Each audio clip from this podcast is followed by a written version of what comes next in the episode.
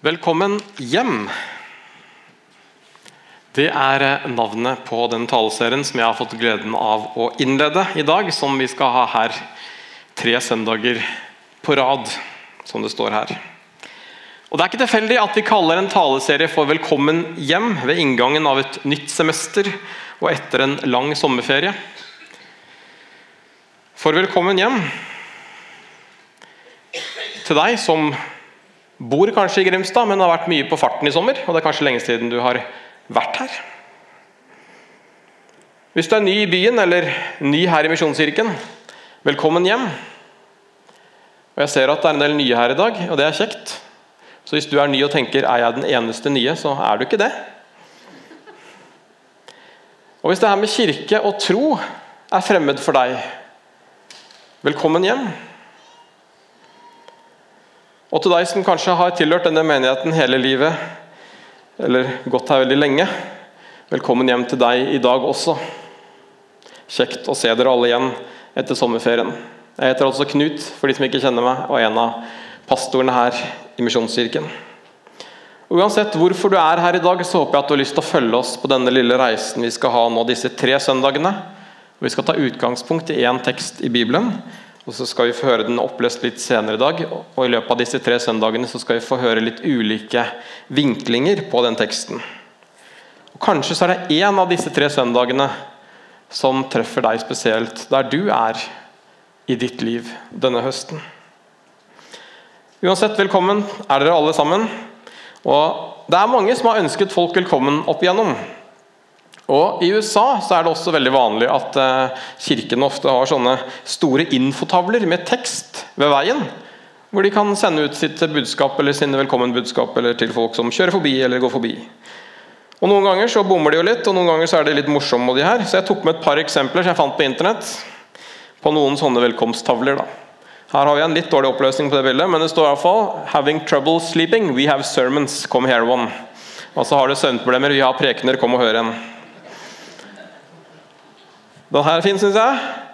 Nå er det en god tid å besøke oss, og pastoren er på ferie. Så det er sikkert en del som var innom her også i sommer når jeg var på ferie. Jeg meg ikke. Så har vi denne klassikeren her, da. Parkering kun for medlemmer og gjester, og overtredere vil bli døpt. Den er det mange som har brukt, den er jo fin, da. Håper det er mange overtredere. Så har vi en litt nyere, kanskje. Kirkeshopping. Vi holder åpent på søndager. Har du shoppingabstinenser, kom i kirken. Vi er alltid søndagsåpen, stort sett. Og så likte jeg en til slutt som også passer til dagens tema. Imperfect people, welcome here. You'll be in good company. Og det er sant der også. Uperfekte mennesker, velkommen hit til denne kirken. Du vil være i godt selskap. Og som pastor så vet jeg at det er veldig sant. I denne menigheten, i hvert fall. Så velkommen er du, og velkommen hjem, sier vi. Og før vi på en måte går i gang med den taleserien, så har jeg lyst til å bare drodde litt rundt dette ordet 'hjem' sammen med dere. For hva er definisjonen på et hjem? Hvorfor sier vi 'velkommen hjem' her i kirken, når du kanskje tenker at hjemmet ditt det er jo der du bor, eller der du kommer fra? Og Kort fortalt så defineres ordet 'hjem' hovedsakelig på denne måten i bokmålsordboka de sier at et hjem det er en bolig eller et fast oppholdssted.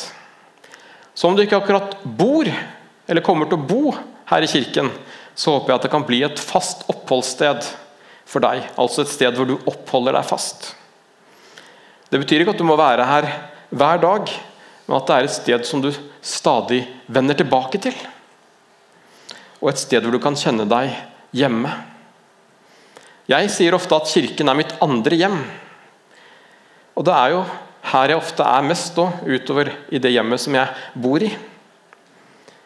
Og så sier også Bokmålsordboka at hjem ofte er et sted man er med familien sin. Hjemme. Og I kristen tro så sier vi at alle som tror, er våre brødre og søstre i troen, altså vår familie. Så min drøm er at om du ikke opplever Misjonskirken som et hjem i dag, så håper jeg at du har lyst til å, eller får lov til å oppleve det i løpet av denne høsten. At du kan få lov til å være hjemme her. Jeg hadde lyst til å bare drodle med noen tanker om hva et hjem kan være. slik jeg ser det, så tenker jeg at et hjem det er først og fremst et sted hvor vi kan få lov til å komme som vi er. Å være den vi er. Hvor vi ikke trenger å bære masker eller late som vi er noen andre enn de vi er. Et sted hvor du kan være deg sjøl, rett og slett. Og så tenker jeg at Et hjem det er et sted hvor vi alltid er velkomne. Uansett om vi har rota det til eller gjort noen feil, eller vært lenge borte fra hjemmet, så skal man alltid være velkommen hjem. Og så tenker jeg at Et hjem det er et sted hvor alle bidrar for at hjemmet skal være et godt sted. Og et sted hvor vi behandler hverandre bra. Og så tenker jeg at Et hjem skal være et sted som stadig er åpent for andre å komme inn. Og vi kan få lov til å si velkommen inn til oss i dette hjemmet. Når jeg kommer hjem etter kanskje en arbeidsdag, eller et eller annet, så er det første jeg ofte gjør, det er å hive av meg olabuksa og dra på meg joggebuksa. Bare spør kona mi om det. Det er et rituale som jeg stort sett går gjennom hver dag.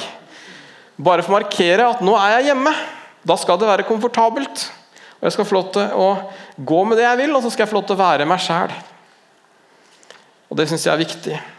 Og når kirken er mitt andre hjem, så tenker jeg at det også skal være et sted hvor jeg kan få lov til å være meg sjæl.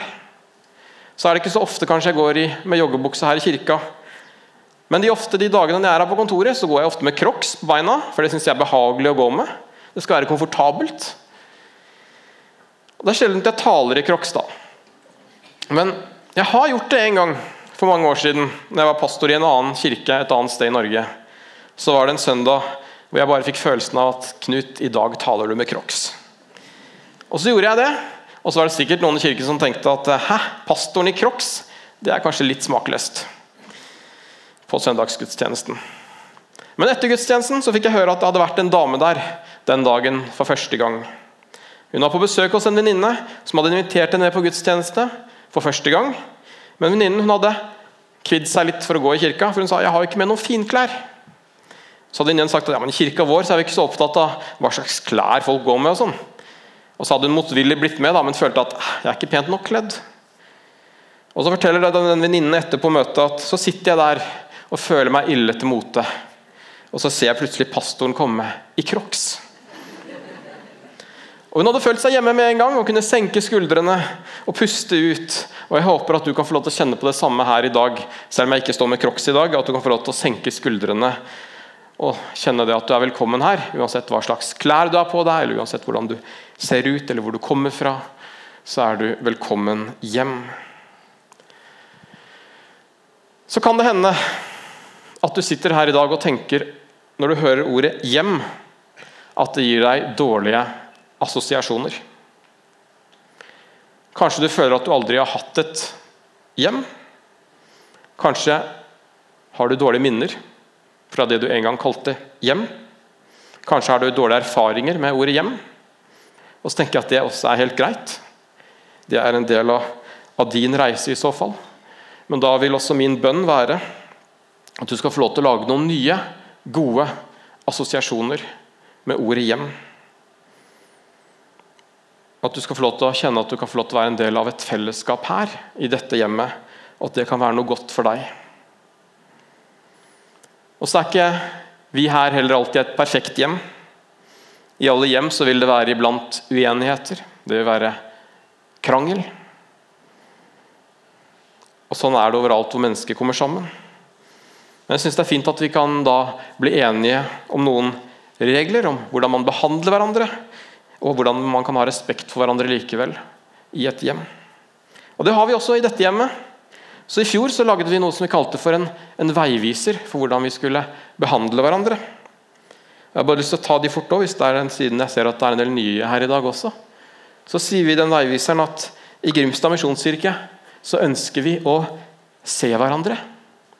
Og være et varmt og inkluderende fellesskap. Vi ønsker å vise kjærlighet og ha omsorg for hverandre. Vi ønsker å være gode til å lytte og ha et ønske om å forstå hverandre. Vi ønsker rom for ulike meninger, og så behandle hverandre med respekt, selv om man kan være uenig iblant. Og så har vi en fin som jeg synes, det om at vi vil snakke til hverandre, ikke om hverandre. Og så har vi fire setninger til som sier at vi vil tilgi hverandre slik som Gud har tilgitt oss. Vi vil støtte alle våre ledere i det arbeidet de gjør. Vi vil være åpne for Guds ord og Den hellige ånds ledelse. Og så vil vi oppmuntre, heie på og fremsnakke hverandre, også på tvers av generasjoner.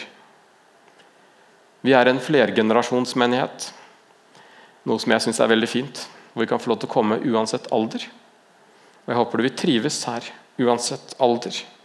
Og jeg tror at Jo flinkere vi, uansett alder, er til å leve ut disse punktene, så vil flere og flere oppleve at dette kan være et godt hjem å være i. Og Hvis du sitter her i dag og er ny og tenker at det her hørtes fint ut, det har jeg lyst til å være med og leve ut, så er du velkommen til det. Og så er jeg også fan av at hjem kan ha noen gode verdier å strekke seg etter. Og Det har vi også her i Misjonskirken. Så vi har tre verdier som vi løfter opp spesielt. Og Det er rotfestet, raus og relevant. Hvis du vil vite mer om verdiene våre eller høre mer om det her, så kan du finne det på hjemmesiden vår på Grimstad misjonskirke.no. Så velkommen uansett, spesielt til deg som er ny, til å favne om disse verdiene og være med og leve dem ut her i Grimstad. For det er det vi ønsker, ikke bare å leve de ut her inne i, hjemmet, men også kunne ta de med utenfor hjemmet i hverdagen.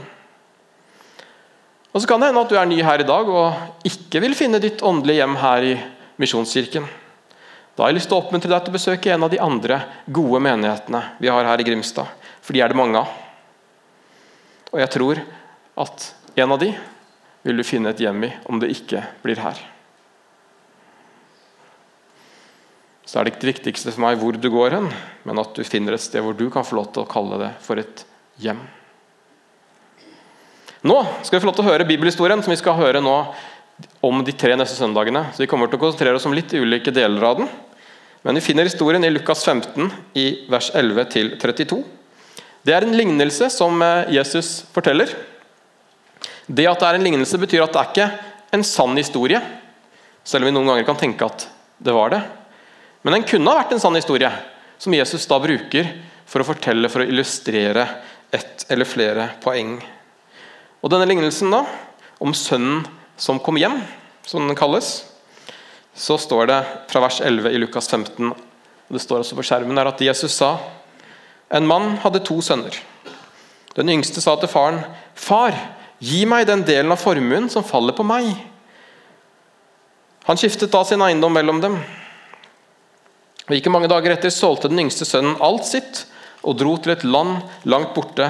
Der sløste han bort formuen sin i et vilt liv. Man hadde satt alt over styr, så kom det en svær hungersnød over landet, og han begynte å lide nød. Da gikk han og søkte tilhold hos en av innbyggerne der i landet. Mannen sendte ham ut på markene sine for å passe grisene. Han ønsket bare å få mette seg med de belgfruktene som grisene åt, og ingen ga ham noe. Da kom han til seg selv og sa, hvor mange leiekarer hjemme hos min far har ikke mat i overflod, mens jeg går her og sulter i hjel? Jeg vil bryte opp og gå til min far og si, Far, jeg har syndet mot himmelen og mot deg. Jeg fortjener ikke lenger å være sønnen din, men la meg få være som en av leiekarene dine. Og Dermed brøt han opp og dro hjem til faren. Da han ennå var langt borte, så fikk faren se ham. Han fikk inderlig medfølelse med ham. Han løp sønnen i møte, kastet seg om halsen på ham og kysset ham, og sønnen sa, 'Far, jeg har syndet mot himmelen og mot deg. Jeg fortjener ikke lenger å være sønnen din.' Men faren sa til tjenerne sine, 'Skynd dere! Finn fram de fineste klærne og ta dem på ham. Gi ham ring på fingeren og sko på føttene. Og hent gjøkalven og slakt den, så vil de spise og holde fest.' For denne sønnen min var død og er blitt levende. Han var kommet bort og er funnet igjen. Og så begynte festen og gleden. Og Det er fram til dit jeg kommer til å konsentrere meg om i dag. Men vi skal ta med resten også, skal dere få høre mer om det de neste søndagene. Men der står det Imens var den eldste sønnen ute på markene.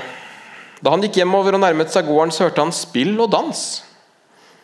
Jeg vet ikke hvordan han hørte dans, men eh, han gjorde sikkert det. da. Han ropte på en av karene og spurte hva som var på ferde. Din bror er kommet hjem, svarte han, og din far har slaktet gjøkalven fordi han har fått ham tilbake i god behold. Da ble han sint og ville ikke gå inn. Faren kom ut og prøvde å overtale han, men han svarte faren, her har jeg tjent deg i alle år. Aldri har jeg gjort imot dine bud. Men meg har du ikke engang gitt et skje, så jeg kunne holde fest med vennene mine. Men straks denne sønnen din kommer hjem, han som har sløst bort pengene dine sammen med horer, da slakter du gjøkalven for ham. Faren sa til ham, barnet mitt, du er alltid hos meg, og alt mitt er ditt. Men nå må vi holde fest og være glade, for denne broren din var død og er blitt levende. Han var kommet bort og er funnet igjen. Dette er historien som vi skal bli nærmere kjent med, eller godt kjent med i løpet av tre søndager nå. Og Her har vi altså med en sønn. Vi har med to sønner, men vi har med én yngre sønn som sier til sin far Før faren er død, eller før faren ligger på det siste, så sier han altså 'gi meg min del av arven'. Og Det er en ganske frekk forespørsel, egentlig. Vi er stort sett vant til å arve her i Norge etter at noen er døde. Og Det var også veldig vanlig på den tiden i Israel. Og Vanligvis, når en far døde, hvis han hadde to sønner, da, så ville den eldste sønnen han ville arve to tredjedeler av farens rikdom og eiendom, og den yngste ville arve da én tredjedel. Som var vanlig, det var førstefødselsretten som gjaldt, så den eldste ville arve mest, måtte være den som tok over gården. Men det som også var vanlig, var jo at denne delingen mellom eiendom skjedde når faren var død. Så det å gå og spørre om å få arven på forskudd mens faren ennå levde, og ikke på en måte hadde noen umiddelbare planer om å dø, som vi vet om da, så var det ikke bare frekt, men det var egentlig ganske uhørt. Og det er nesten som å si til sin far at 'jeg ønsker at du var død'. Så det er en ganske overraskende forespørsel. Og så er det også et veldig overraskende svar. Fordi at faren går med på det. Og Vi snakker også om en tid hvor det kanskje enda mer enn i dag var slik at man skulle lyde fedrene. Faren var overhodet i familien. Han skulle respektere og respekteres, og barna hadde ofte en annen respekt kanskje for foreldrene også på den tiden. Så antagelig så ville det en mer normal reaksjon på den tida det ville vært å kaste sønnen ut, eller kanskje straffe han. Det ville kanskje vært en mer normal reaksjon. Og så var det slik da, at eh, Ofte så var rikdommen den var bundet opp i, i, jord og i land, altså i eiendom. Og Når faren altså gikk med på å gi denne sønnen en tredjedel, så betyr det at sønnen han fikk en tredjedel i jord, altså eiendom. Og så står det at han solgte det, sikkert da ganske raskt, tok pengene han fikk for det, og så dro han av gårde med cash. Og På den tida så var det også sånn at hvor mye eiendom hvor mye jord du hadde, det var også ofte proporsjonalt med respekten og anseelsen du hadde i samfunnet. Det betyr at når sønnen da tok en tredjedel av eiendommen til faren og solgte det, så ville faren falle i anseelse og respekt blant folk i sin nærhet. Så det var et offer som han gjorde, som han var klar over, men som han da velger å gjøre likevel pga. kjærligheten han hadde til sønnen. Så står det at den yngste sønnen han tar denne arven, disse pengene, og reiser til et land langt av gårde. Jeg holdt på å si at Han hadde i hvert fall vett nok til å ikke sløse bort alt foran nesa på faren. Men det er ikke sikkert det var det som grunnen. Det kan hende han visste at damene i det landet han dro til, kanskje var ja, kjent for å være litt mer nusselige enn de som var nede i gata. Hva vet jeg? Uansett så vet vi i hvert fall at han ville komme langt vekk fra familien og finne et sted hvor han kunne få lov til å nyte livet i fred, uforstyrret. Og Når han kommer til det landet, her, så får han pengene da ben å gå på. Og Det står at han sløser de bort i et vilt liv. Kan vi tolke hva det går ut på, men antagelig så betyr vel det eh, piker, vin og sang. Eh, men det er jo ikke sikkert at sang var inkludert. da. Her har vi forresten et bilde som kjennetegner denne sømmen. For det var jo sånn at Han hadde jo mange gode dager hvor han koste seg, i hvert fall i egne øyne. Men så tok pengene slutt, som de ofte har en tendens til å gjøre. I hvert fall hvis man bruker de på feil ting. Og så kom hungersnøden over landet, står det. Og så var det ikke så gøy lenger. Jeg tenker at eh, denne gutten, som kanskje ikke var så veldig gammel, han hadde kanskje ikke tenkt langsiktig nok. Antagelig hadde han ikke det. Han hadde ikke tenkt på konsekvensene av det valget han hadde gjort. Så han ender til slutt opp som en eh, tjener, en grisepasser, som måtte kanskje håpe han kunne få noe av den maten som grisene spiste, fordi han fikk ikke noe av andre, står det. Ingen ga han noe. Og jeg tenker at Antageligvis visste folk at han hadde brukt opp masse penger. De visste hva han hadde brukt det på, og tenkte sikkert at han var et fjols, og han ville i hvert fall ikke hjelpe. Men en dag han da er her i grisebingen, så står det at han kommer til fornuft og sier 'Jeg vil gå hjem'. Han begynner kanskje å innse at ja, kanskje ikke jeg har gjort de aller smarteste valgene i livet.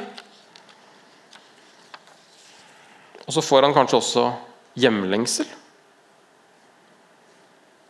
Men så vet han at, at det er han som har vært dum, ikke faren eller broren. Så han legger en plan om å få spørre faren om tilgivelse. Og kanskje, hvis han er heldig, så kan han få lov til å bli en tjener hos sin far. For han vet at de har det bedre, de tjenerne, enn sånn han har det nå. Så han øver inn en liten tale, pugger noen setninger som han skal si når han treffer faren. Og Jeg tipper at han så for seg i hodet da når han gikk på veien hjem, den lange veien, så for seg sikkert mange ulike scenarioer på hvordan det kom til å gå når han møtte faren sin igjen. Og Jeg tipper at han var veldig nervøs når han kommer rundt svingen og nærmer seg barndomshjemmet. Og Så tror jeg også at han ikke hadde sett for seg det scenarioet som da utspiller seg foran øynene hans. Hvor Det står at faren får øye på han på lang avstand. Så det er i hvert fall ikke noe veien med synet til faren. Og han løper mot han og klemmer han, står det. Og Sønnen som hadde pugget på denne talen, han blir antagelig så forfjamsa at han klarer bare å stotre fram de innøvde ordene. Far, jeg har syndet mot himmelen og mot deg. Jeg fortjener ikke lenger å være sønnen din. Og før han rekker å fullføre talen, før han rekker å komme til den, delen hvor han skulle få lov til å spørre om han kunne være en tjener, så avbryter faren han og overrasker han med å innbe til fest. Og så ber han tjeneren om slakte gjøkalven. Og det var ikke noe du gjorde sånn hver dag. Det var veldig veldig sjeldent, bare når det var en stor feiring. Og så blir det stor feiring og fest og moro og dans. Så faren møter ham på en helt annen måte enn sånn som mange fedre kanskje ville møtt ham på. da. Når vi tenker på hva han hadde gjort. Så istedenfor dish, dish, dish, liksom, som kanskje hadde vært en naturlig reaksjon fra faren, så er det altså åpne armer og klem han får. Og så får han fine klær og så får han sko på føttene, og så får han en ring på fingeren. Og sønnen var nok ikke forberedt på det i det hele tatt. For det var jo ufortjent, med tanke på hva han hadde gjort. Men allikevel, selv om det ble, var ufortjent, så ble han altså ønsket velkommen hjem. Sønnen var fortsatt en sønn. Uansett hvor mye dumt han hadde gjort, så kunne ingenting ta fra han den statusen som farens sønn. Og Bibelen sier at vi mennesker vi er skapt i Guds bilde. Vi er Guds barn, og vi vil alltid være Guds barn. Guds elskede sønn, Guds elskede datter. Uansett hvor mye dumt vi gjør, så vil vi alltid ha den verdien den statusen som Guds barn, og vil alltid være velkommen hjem til Gud. Og Det er også poenget med denne lignelsen som Jesus forteller. Eller et av poengene i hvert fall. Det er at Guds nåde er for alle. Guds nåde er ufortjent. Det er ikke noe vi fortjener eller kan gjøre oss fortjent til. Og Faren møter altså i denne historien sitt barn med nåde, akkurat slik som Gud møter oss, hans barn, med nåde. Det står i Romerbrevet 3, 21-24. Men nå er Guds rettferdighet, som loven og profetene vitner om, blitt åpenbart uavhengig av loven. Dette er Guds rettferdighet som gis ved troen på Jesus Kristus til alle som tror. Her er det ingen forskjell, for alle har syndet og mangler Guds herlighet, men ufortjent og av Hans nåde blir de kjent rettferdige, frikjøpt i Kristus Jesus. Så når Jesus døde på korset, så kjøpte han oss fri fra all synd. Han gjenopprettet muligheten for oss til å ha en levende relasjon til en levende far i himmelen. Og så ga han oss en plass, en identitet, som er gratis. Og nåden var gratis også for sønnen i fortellingen. Han fikk oppleve det gratis. Men han måtte allikevel ta imot denne gaven. Han måtte velge å stå opp fra det gamle livet og traske veien hjem for å kunne få ta imot denne nåden. Han måtte omvende seg fra det livet som han levde. Og Lars Torp talte her forrige søndag og sa at det en omvendelse handler om, det er en 180 graders turnaround. altså Å omvende seg kommer fra å snu seg 180 grader og gå i en helt ny retning. Man må ta et oppgjør med det gamle. Man legger det av. Og Det var nettopp det sønnen gjorde når han sto opp fra grisebingen. Og Så snudde han seg, og så gikk han veien hjem til sin far. Og Det var først da, når han kom hjem, at han fikk oppleve at Oi, jeg er faktisk velkommen hjem. Det hadde jeg ikke trodd. Og Det er også budskapet til deg i dag. At uansett hva slags liv du har levd, uansett om du føler at du lever rett eller feil i dag, eller uansett hvilke dumme ting du har gjort, så er du alltid velkommen hjem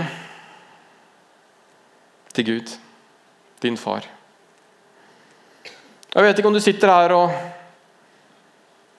noen ganger Om du har gjort noen gang du Om du noen gang har gjort noe du har angret på i livet ditt. Og Hvis du aldri har gjort noe som du angrer på, så vil jeg at du kommer bort til meg etter gudstjenesten, og så skal jeg love deg at du kommer til å angre på det. i hvert fall. Ja, jeg bare tuller der. Men poenget er at vi alle har gjort ting som vi angrer på. Og jeg kan garantere at vi alle kommer til å gjøre noe som vi kommer til å angre på i nær fremtid. Lignelsen om sønnen som kom hjem, lærer oss at det viktigste er ikke om vi gjør noe vi angrer på, men det handler om hva vi gjør etterpå. Tør vi søke hjem? Tør vi ta imot den kjærligheten som venter på oss? Og klarer vi å gjøre det? Det handler ikke om feilene vi gjør, det handler om hva vi gjør etterpå. Sønnen var bortkommen, så kom han hjem. Og Selv om du kanskje ikke har sløst bort en tredjedel av arven, så kan du allikevel sitte her i dag og føle deg bortkommen. Bortkommen fra Gud. Bortkommen fra tro. Bortkommen fra håp. Bortkommen fra glede eller kjærlighet. Uansett hvorfor du skulle føle deg bortkommen, så er den gode nyheten at det er mulig å komme hjem. Og du har en far som elsker deg akkurat slik som du er. Og Det er det som jeg vil at du skal sitte igjen med etter denne gudstjenesten. At uansett om du ikke føler deg bra nok, eller ikke føler at du har levd livet rett, eller kjenner på bortkommenhet, så er du alltid velkommen hjem. Og En kort historie til slutt. For å illustrere det, så var det en mann som hadde gjort noen veldig alvorlige forbrytelser. Han satt lenge i fengsel, og en dag så skulle han slippe ut. Han hadde ikke lenger kontakt med familien sin, for han var sikker på at de vil nok ikke ha noe med meg å gjøre. Så mye dumt som jeg har gjort. Men han savnet dem. Han hadde hjemlengsel. Så han bestemte seg for å gi det en sjanse. Så han skrev et brev sendte i posten hjem og skrev at på den og den dagen etter at jeg slipper ut, på det og det tidspunktet, så kommer jeg til å ta toget forbi huset deres. For det tog, huset lå helt nede ved toglinja. Og så skrev han om jeg skulle være velkommen hjem, noe han selvfølgelig ikke trodde han var, så kan dere henge et hvitt tørkle i epletreet i hagen. Og Hvis det ikke henger et hvitt tørkle der, så skal jeg aldri plage dere igjen. Og Så kom dagen, og mannen var nervøs da toget nærmet seg huset. Og Han var så nervøs at han ikke engang turte å se ut av vinduet. Så han spurte mannen som satt ved siden av seg, kan ikke du se nå om det henger noe hvitt i det treet som snart kommer? Og mannen så, og så sa han nei. Det henger ikke ett tørkle i treet. Treet er dekket av hvite tørklær. Han var velkommen hjem.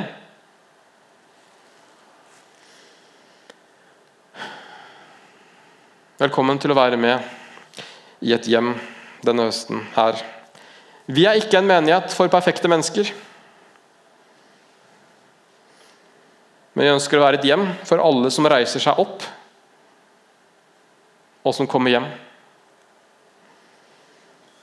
Den bortkomne sønnen han hadde ikke engang sko når han kom hjem. Hent sko til ham, sa faren. Hent den beste kappen, hent de fineste klærne, og sett en ring på fingeren hans. Jeg skal snakke mer om det om 14 dager.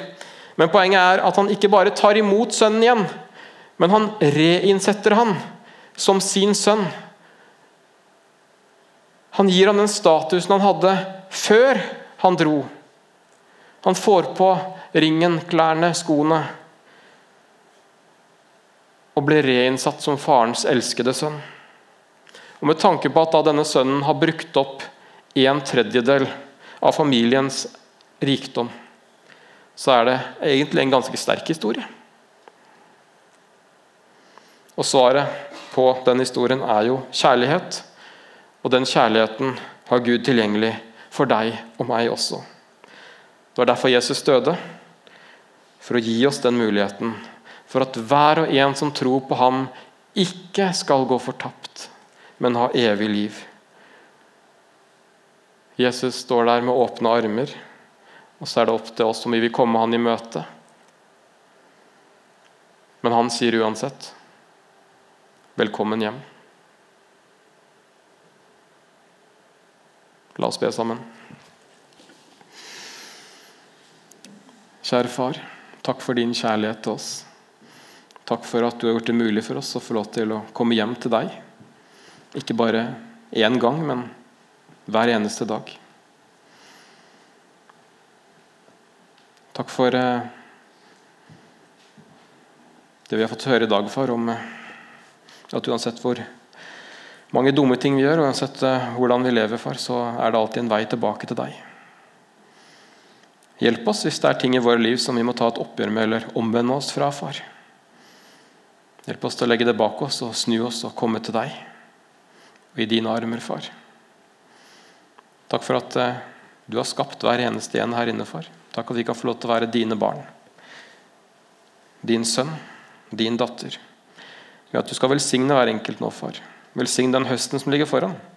Ved at dette skal bli en høst, vi kan få lov til å kjenne at vi bare kan få lov til å vokse nærmere deg og bli enda bedre kjent med deg. Takk, far. I Jesu navn. Amen.